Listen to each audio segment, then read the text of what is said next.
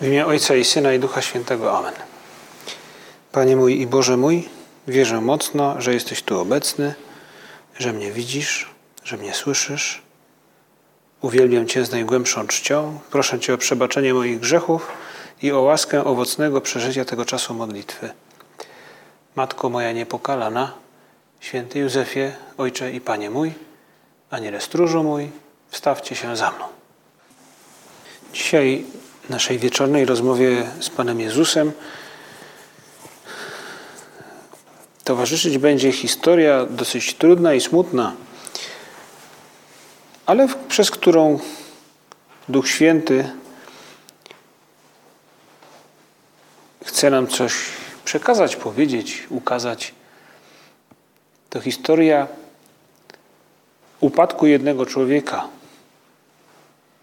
To chwila, w której ten człowiek przegrał może nawet kluczową dla siebie bitwę. I nie jest on głównym bohaterem tej historii, wydaje się drugoplanowy, ale jednak to on przegrywa. To historia męczeństwa świętego Jana Chrzciciela, który wybija się jakby na pierwszy plan w tej historii, ale tym, który wszystko przegrywa, jest Herod.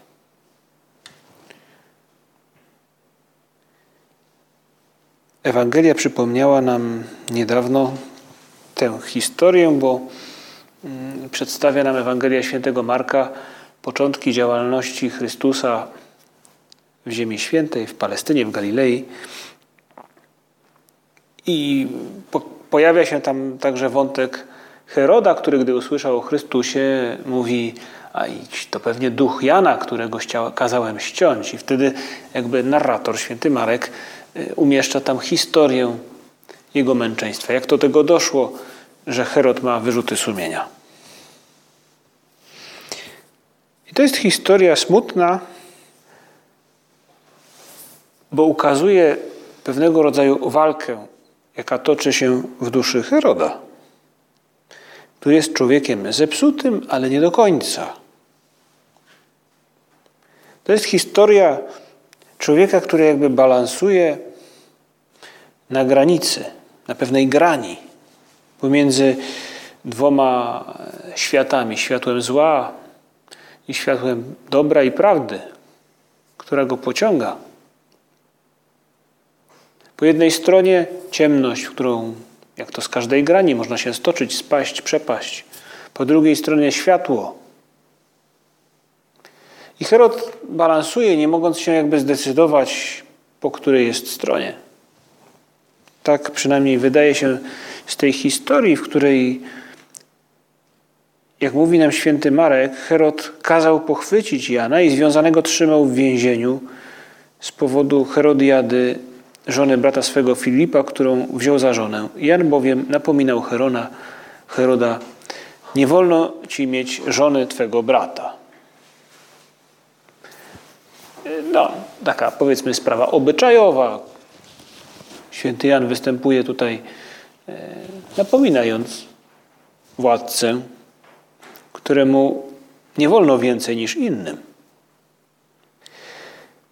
Co, co logiczne, w tej sytuacji Herodiada staje się zawziętą przeciwniczką Jana Chrzciciela, ale święty Marek nie na darmo mówi nam o tym, że jednak Herod chętnie słuchał świętego Jana. Ilekroć go posłyszał, odczuwał duży niepokój, a jednak chętnie go słuchał. W taki sposób ewangelista przekazuje nam coś, co możemy odczytać jako pewnego rodzaju zachętę do tego, by, by spojrzeć na Heroda z pewną nawet dozą może sympatii, póki co w tym opowiadaniu. No, jest tam, coś tam się jakby żarzy, tli się, jakaś iskierka dobra w jego duszy. To człowiek, który mm, ma życie pokręcone, skomplikowane, niejedną głupotę zrobił i żyje w sposób nieopłakładany, ale, ale nawet w nim jest jakaś iskierka dobra. Co więcej, to nie jest tylko iskierka, bo jak, tak jak z tego opisu wynika, prawda piękno go pociąga, interesuje. No, niepokoi nawet, bo wyczuwa, że jest prawdziwe. I niestety z tej historii, której można byłoby poczuć taką mikro chociażby sympatię do Heroda, gdybyśmy nie wiedzieli, jak ta historia się skończy, prawda? W tej historii jednak ma miejsce tragiczny finał. I nie chodzi o śmierć Jana Chrzciciela, nie o to chodzi. Nie, nie to jest tragicznym finałem w historii Heroda. Tragicznym finałem w historii Heroda jest to, że wybiera źle. Jest to, że nie akceptuje prawdy, że nie jest szczery wobec samego siebie.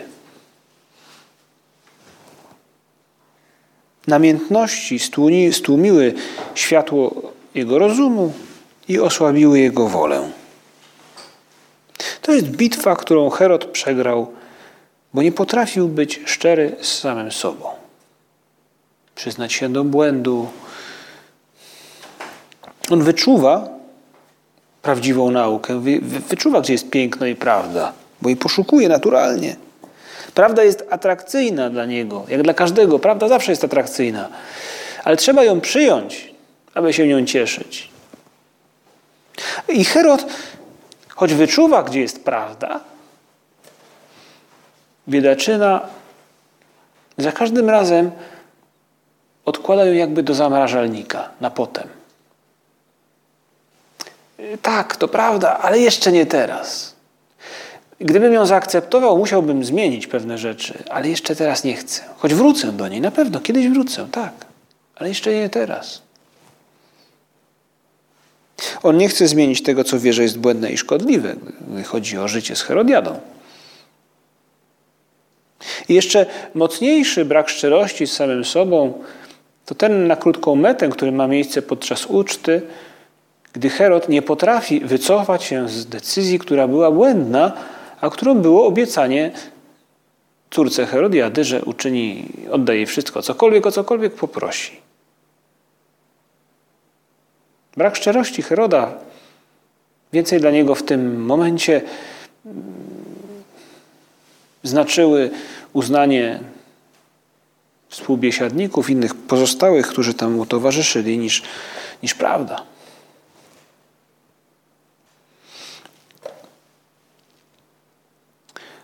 Otóż chwila sposobna nadeszła, kiedy Herod w dzień swoich urodzin wyprawił ucztę swoim dostojnikom. Córka tej Herodiady weszła i tańczyła, spodobała się Herodowi, który król rzekł do dziewczyny: Proś mnie o co chcesz, a dam ci. Nawet jej przysiąg, dam ci o co tylko poprosisz, nawet połowę mojego królestwa. Podeszła z pośpiechem do króla i poprosiła: Chcę, żebyś mi zaraz dał na misie głowę Jana Chrzciciela. Król się zgodził. Przegrał bitwę. Tragiczny finał kogoś, kto, kto mimo że przyciągnięty, jakby porwany, zainteresowany, zachwycony prawdą, nie wybrał jej do końca. Schował ją do zamrażalnika na potem. I namiętności wzięły górę, bo nie potrafił być szczery samym sobą, by powiedzieć sobie: To jest prawda, teraz albo nigdy.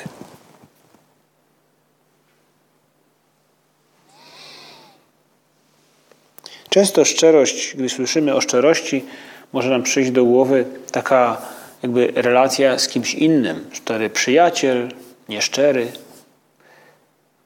Możemy pomyśleć o, o, staramy się i, i, i, pewnie słyszeliśmy nie jeden raz, od, od, od, podczas przygotowywania do pierwszej spowiedzi i Komunii Świętej, o tym, że szczera musi być spowiedź. Szczera spowiedź. My przed Bogiem stajemy i, i, i wyznajemy swoje grzechy szczerze. Jakby w tym kontekście często szczerość się pojawia. Ale jednak taką najgłębszą cechą szczerości wydaje się, że jest szczerość z samym sobą. Jakby stanąć w prawdzie i postępować zgodnie z tą prawdą, z pewnym przekonaniem. Pan Jezus mówił: Niech wasza mowa będzie tak, tak, nie, nie, a co nadto jest, od złego pochodzi. W pewnym sensie mówi nam Pan Jezus: Nie bądź dwulicowy. I nie bądź też dwulicowy wobec siebie samego. Gdy wiesz, że coś jest prawdziwe, żyj w zgodzie z tym. Podejmuj decyzję. To jest to, czego zabrakło Herodowi, który zagłusza głos prawdy namiętnościami. Wyuzdanie i nieczystość, nazwijmy to rozrywkowy tryb życia, marnowanie czasu, imprezowanie, może tak to nazwijmy. Życie chwilą. On wiele zrobił, by tę walkę przegrać, to prawda. Ale tym bardziej jego historia jest smutna. Panie Jezu, my teraz z Tobą rozmawiamy, patrząc na biednego, nawet nie biednego Heroda, już, nie, już stracił całą, całą tą mikroiskrę sympatii, którą święty Marek Ewangelista, może trochę bawiąc się z nami, gdzieś w nas obudził, gdybyśmy czytali ten tekst po raz pierwszy. To moglibyśmy poczuć tę iskrę sympatii. Ona już zgasła. Ale gdy tak patrzymy na, na, na tego nieszczęśnika, który przegrał swoje życie, bo nie potrafił być szczery, przynajmniej z samym sobą, budzi się w nas pragnienie, Panie Jezu, bycia ludźmi, którzy postępują, doceniają prawdę i żyją w zgodzie z nią. Podejmują decyzje właściwe. Herod zagłusza prawdę, głos prawdy, czy, czy, czy ten no, blask prawdy go tłumi namiętnościami właśnie. Ale także brakuje mu chwili na rozwagę. On żyje w pośpiechu, żyje i żyje powierzchownie. I może ktoś z nas zastanowi się właśnie dziś, gdy ten obraz, ta historia Heroda staje przed nami, możemy zastanowić się, może ktoś z nas odkryje w tym jakiś klucz także dla siebie. Co mogę zrobić, aby, aby tego piękna prawdy w sobie nie tłumić? Być może i w nas jest jakiegoś rodzaju namiętność, przywiązanie. Mm,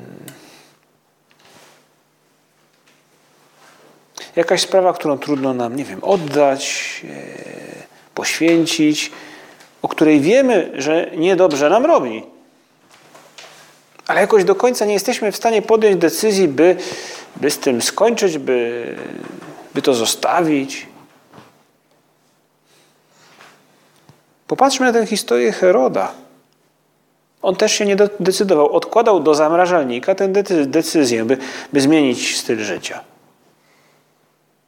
I w ostateczności namiętność stała się silniejsza, zwyciężyła. I Herod także żyje, jak żyje w tym swoim rozrywkowym stylu, nie brakuje mu, nie ma czasu, żeby pomyśleć, żeby rozważyć, że to, co robi, jest po prostu głupie, nierozsądne, nieracjonalne. Może i nam czasem brakuje tego czasu.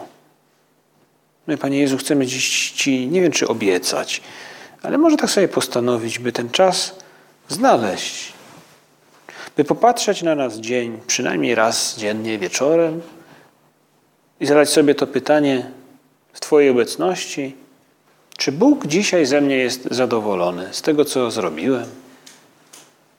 Nie chodzi o to, by szukać błędów, ale chodzi o to, by, by poczuć na sobie kochające spojrzenie Boga, który, który, który cieszy się z tego, co dziś uczyniliśmy. Panie Jezu, jakże chcielibyśmy to kochające spojrzenie Boga Ojca na nas poczuć, zauważyć, ileż w stanie jest to nas zmotywować później, popchnąć do działania. Chcemy, Panie Jezu, nauczyć się myśleć i stawać w prawdzie wobec samych siebie i wobec Ciebie, wobec Boga. Dlatego potrzebujemy też tych chwil, nie tylko rachunku sumienia, ale też chwili, by z Tobą porozmawiać, by to dojście do prawdy i zaakceptowanie, ta szczerość, w gruncie rzeczy to jest pewnego rodzaju proces. Ona, to jest jakaś otwartość, by zaakceptować rzeczywistość i prawdę, która nie pojawia się sama, bo rodzi się jako zazwyczaj efekt spotkania z Jezusem Chrystusem. Jego miłość przekonuje nas do tej prawdy i daje nam siłę do tego, by tę prawdę wcielić w życie, by żyć według niej. Taka jest historia też, którą opowiada nam historia Ewangelia według świętego Jana, która ma miejsce, można by powiedzieć, w takim codziennym, nie wiem czy krajobrazie, ale jednak, no tak, w codziennym życiu. To historia spotkania Jezusa z pewną kobietą przy studni w Samarii, gdy Jezus zmierza do Jerozolimy. I to jest historia spotkania, przynajmniej ze strony tej kobiety, z pewną niechęcią początkową. Chrystus tę niechęć przełamuje. Z pewnością możemy to sobie wyobrazić także dzięki swemu ludzkiemu jakiemuś urokowi osobistemu, stylowi bycia, otwartości, pogodnemu wyrazowi twarzy. Chrystus przełamuje jakby te, te lody i z tego spotkania, na samym końcu tego spotkania, jak wiemy, ta kobieta przyznaje Chrystusowi rację.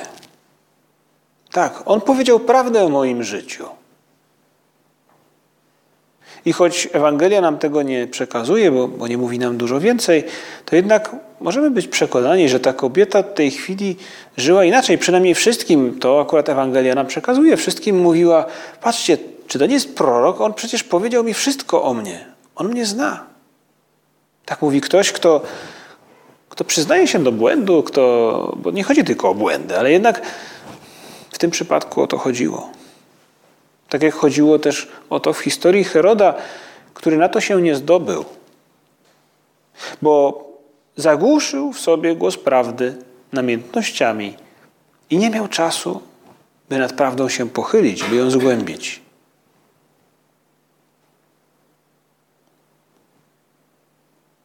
My też możemy zadawać sobie pewne pytania, powinniśmy zadawać sobie pewne pytania, które mówią prawdę o nas i od szczerej odpowiedzi na nie zależy to, po której stronie tej grani światła i ciemności się znajdziemy. Na to potrzeba chwili oddechu, chwili skupienia, chwili modlitwy. Ale możemy to też, tego te, także dokonać właśnie teraz, kiedy się przecież modlimy przed Przenajświętszym Sakramentem. Ale powinniśmy powracać do tych pytań częściej, nie tylko teraz, nie tylko raz. Bo nie jeden raz stajemy przed decyzjami. Tak jak Herod, może nie w tak dramatycznych okolicznościach, ale jednak stajemy na takiej grani. I przypomnieć sobie wtedy o prawdzie może nam pomóc wybrać właściwie. Te poważne pytania: jakie są moje wady i zalety? Szczerze. Bo to mówi nam, w jaki sposób mogę działać na rzecz innych, jak mogę zmieniać świat. A czego, by ta zmiana była efektywna, skuteczna, czego mi brakuje, co muszę poprawić, to jest pewnego rodzaju prawda o mnie i moim potencjalnym impakcie w świecie wokół mnie. To pytanie o to, jaki jest mój główny punkt walki, żeby nie być człowiekiem przeciętnym. Panie Jezu, każdy z nas ma w sobie przecież to pragnienie bycia wiecznym, e, pragnienia wywarcia jakiegoś wpływu na swoje otoczenie. Także pewne pragnienie by posiąść prawdę, piękno, I widzimy często, że są jakieś elementy nas samych, które nam to utrudniają. Jaki jest ten główny punkt walki, starania, by to wszystko miało miejsce? Do tego potrzebna jest szczerość. Bo możemy być człowiekiem, który walczy na opłotkach miasta, podczas gdy w centrum szaleje powstanie. Rewolucja. A my kopiemy okopy na opłotkach. Bez szczerości, z samym sobą, z przyznaniu się do błędów i do naszych mocnych punktów. W końcu, w końcu stoczymy się tak jak Herod. Albo szczerość w przyznaniu, uznaniu dobra, którego doświadczyłem od innych. Czasem żyjemy w przekonaniu, ono najczęściej nie trwa długo, bo gdy trwa długo, to można powiedzieć bieda, bieda, ojej. Czasem żyjemy w przeświadczeniu, że świat wiele nam zawdzięcza, że inni nam zawdzięczają, że odnieśliśmy sukces. Tak naprawdę przysłużyliśmy się ludzkości, no tej najbliższej najczęściej. Czy jest to rodzina, czy, czy, czy przyjaciele, znajomi. I zapominamy o tym, ile dobra otrzymaliśmy od innych. Ileż potrzeba szczerości, by to przyznać, że na wiele z tych rzeczy nie zasłużyłem. Nie zasłużyłem. Potrzebna jest szczerość samym sobą, by powiedzieć, by jakby uznać, by, by, by może trzymać się tego, gdzie leży moje szczęście. Czasem może człowiek poszukuje trochę szczęścia, czy, czy jakby rozeznaje, gdzie do końca ono mniej więcej zdaje sobie sprawę, że to jest kierunek, może jeszcze nie zna go, tego jakby planu na swoje życie do końca, ostatecznie, ale mniej więcej wie, dokąd zdąża. Ale dużo łatwiej jest przyznać, odkryć, gdzie to szczęście na pewno nie leży. Jaka smutna jest historia człowieka, który o tym wie, tak jak Herod, on wie, że to nie tędy droga, ale odkłada decyzję do zamrażalnika. No jeszcze nie teraz, jeszcze, jeszcze się nie decyduje. Choć wie, że ten styl życia jest zły. Od jego braku szczerości zależy, czy jego brak szczerości tak naprawdę jest, skutkuje tym tragicznym finałem, ruiną tego człowieka. I szczerość jest potrzebna też oczywiście w tym, by zdać sobie sprawę, kim ja jestem dla innych ludzi, przede wszystkim kim ja jestem dla Pana Boga. O szczerość w tym punkcie jest w stanie postawić na nogi najgorszego, największego pesymistę, człowieka w, można powiedzieć, w największym dole. Prawda o tym, że Bóg mnie kocha, choć czasem trudno ją jest zauważyć, odkryć, gdy się ją odkryje, gdy stanie przed nami w swojej jakby nawet czasem oczywistości, gdy jesteśmy szczerzy, gdy ją odkrywamy, stawia nas na nogi. Postanówmy sobie dzisiaj, patrząc na historię Heroda, starać się być ludźmi szczerymi, nie odkładać na później decyzji zgodnymi z naszymi przekonaniami, zgodnymi z prawdą, którą widzimy. Niewątpliwie pomoże nam w tym walka z namiętnościami, które się w nas budzą i tę prawdę tłumią, a także te chwile modlitwy czy namysłu, które, których potrzebujemy, by nie żyć w pędzie. Ale na koniec naszej modlitwy możemy sobie także uświadomić, że, że, że jest jeszcze jeden element, który pomaga nam w tej szczerości, to łaska Boża. Łaska Boża, która w nadprzyrodzony, nadzwyczajny sposób daje światło naszemu rozumowi i siłę naszej woli. Jakby przeciwdziała temu wszystkiemu, co czynią w nas namiętności. Podczas gdy one światło rozumu zaciemniają, łaska je, ten rozum rozświetla wzmacnia wolę, która osłabiają pokusy i kaprysy i uleganie im przede wszystkim, nasze, nasze wady. Tak jest w historii Mateusza chociażby, tego, którego Pan Jezus powołuje w komorze celnej. Tego, który na obrazie, który maluje Caravaggio, w tej, na obrazie tej historii, e, Mateusz ma spuszczoną głowę i patrzy, patrzy w stół. I światło, które wdziera się do tego ciemnego pomieszczenia, ukazuje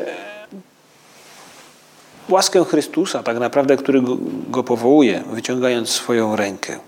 Ten człowiek, który miał spuszczoną głowę, jak mówi nam Ewangelia, wstał i poszedł za nim.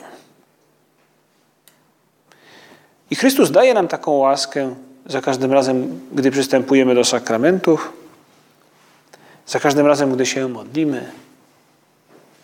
Być szczerym to poczuć na sobie spojrzenie Boga, czuć się przez Niego kochanym. Być szczerym to wiedzieć, że nie ma żadnej barykady między mną a Nim, a tym, który jest wszechmocny i który mnie kocha. I to żyć w zgodzie z tym spojrzeniem. To jest szczerość.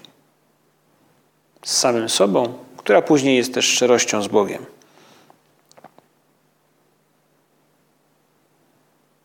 Czasami w tej szczerości komplikujemy się. I właśnie, rozmawiamy z samym sobą, jakby zajmujemy się y, opłotkami, podczas gdy na rynku, głównym rynku miasta rozpoczyna się rewolucja.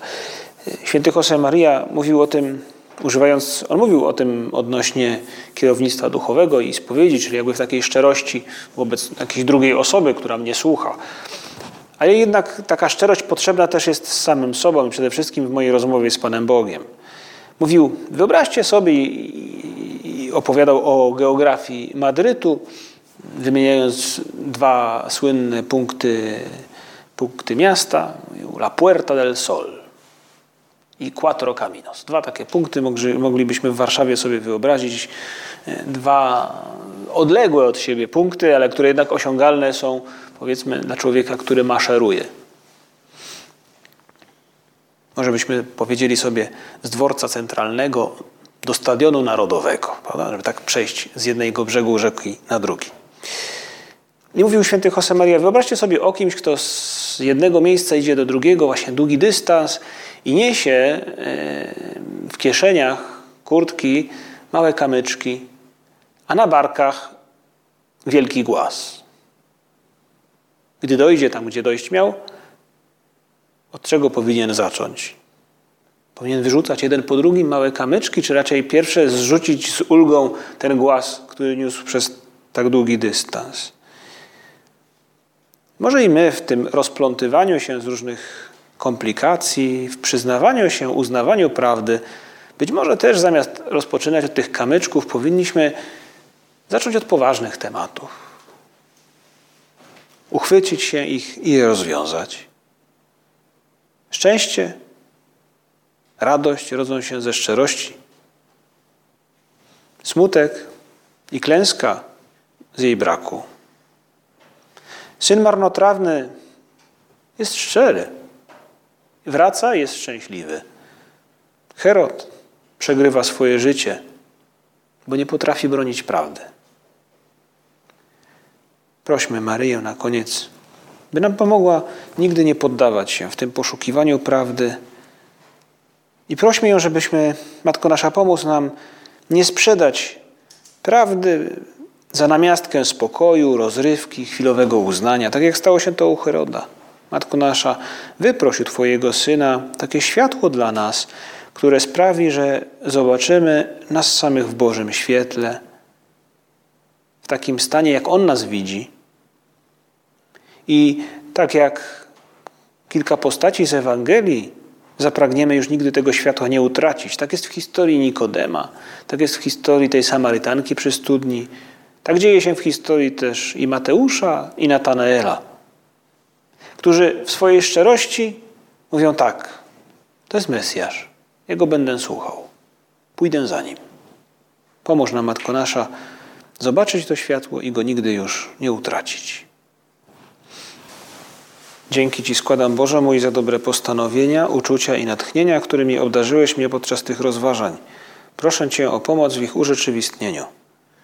Matko moja niepokalana, święty Józefie, Ojcze i Panie mój, Aniele stróżu mój, wstawcie się za mną.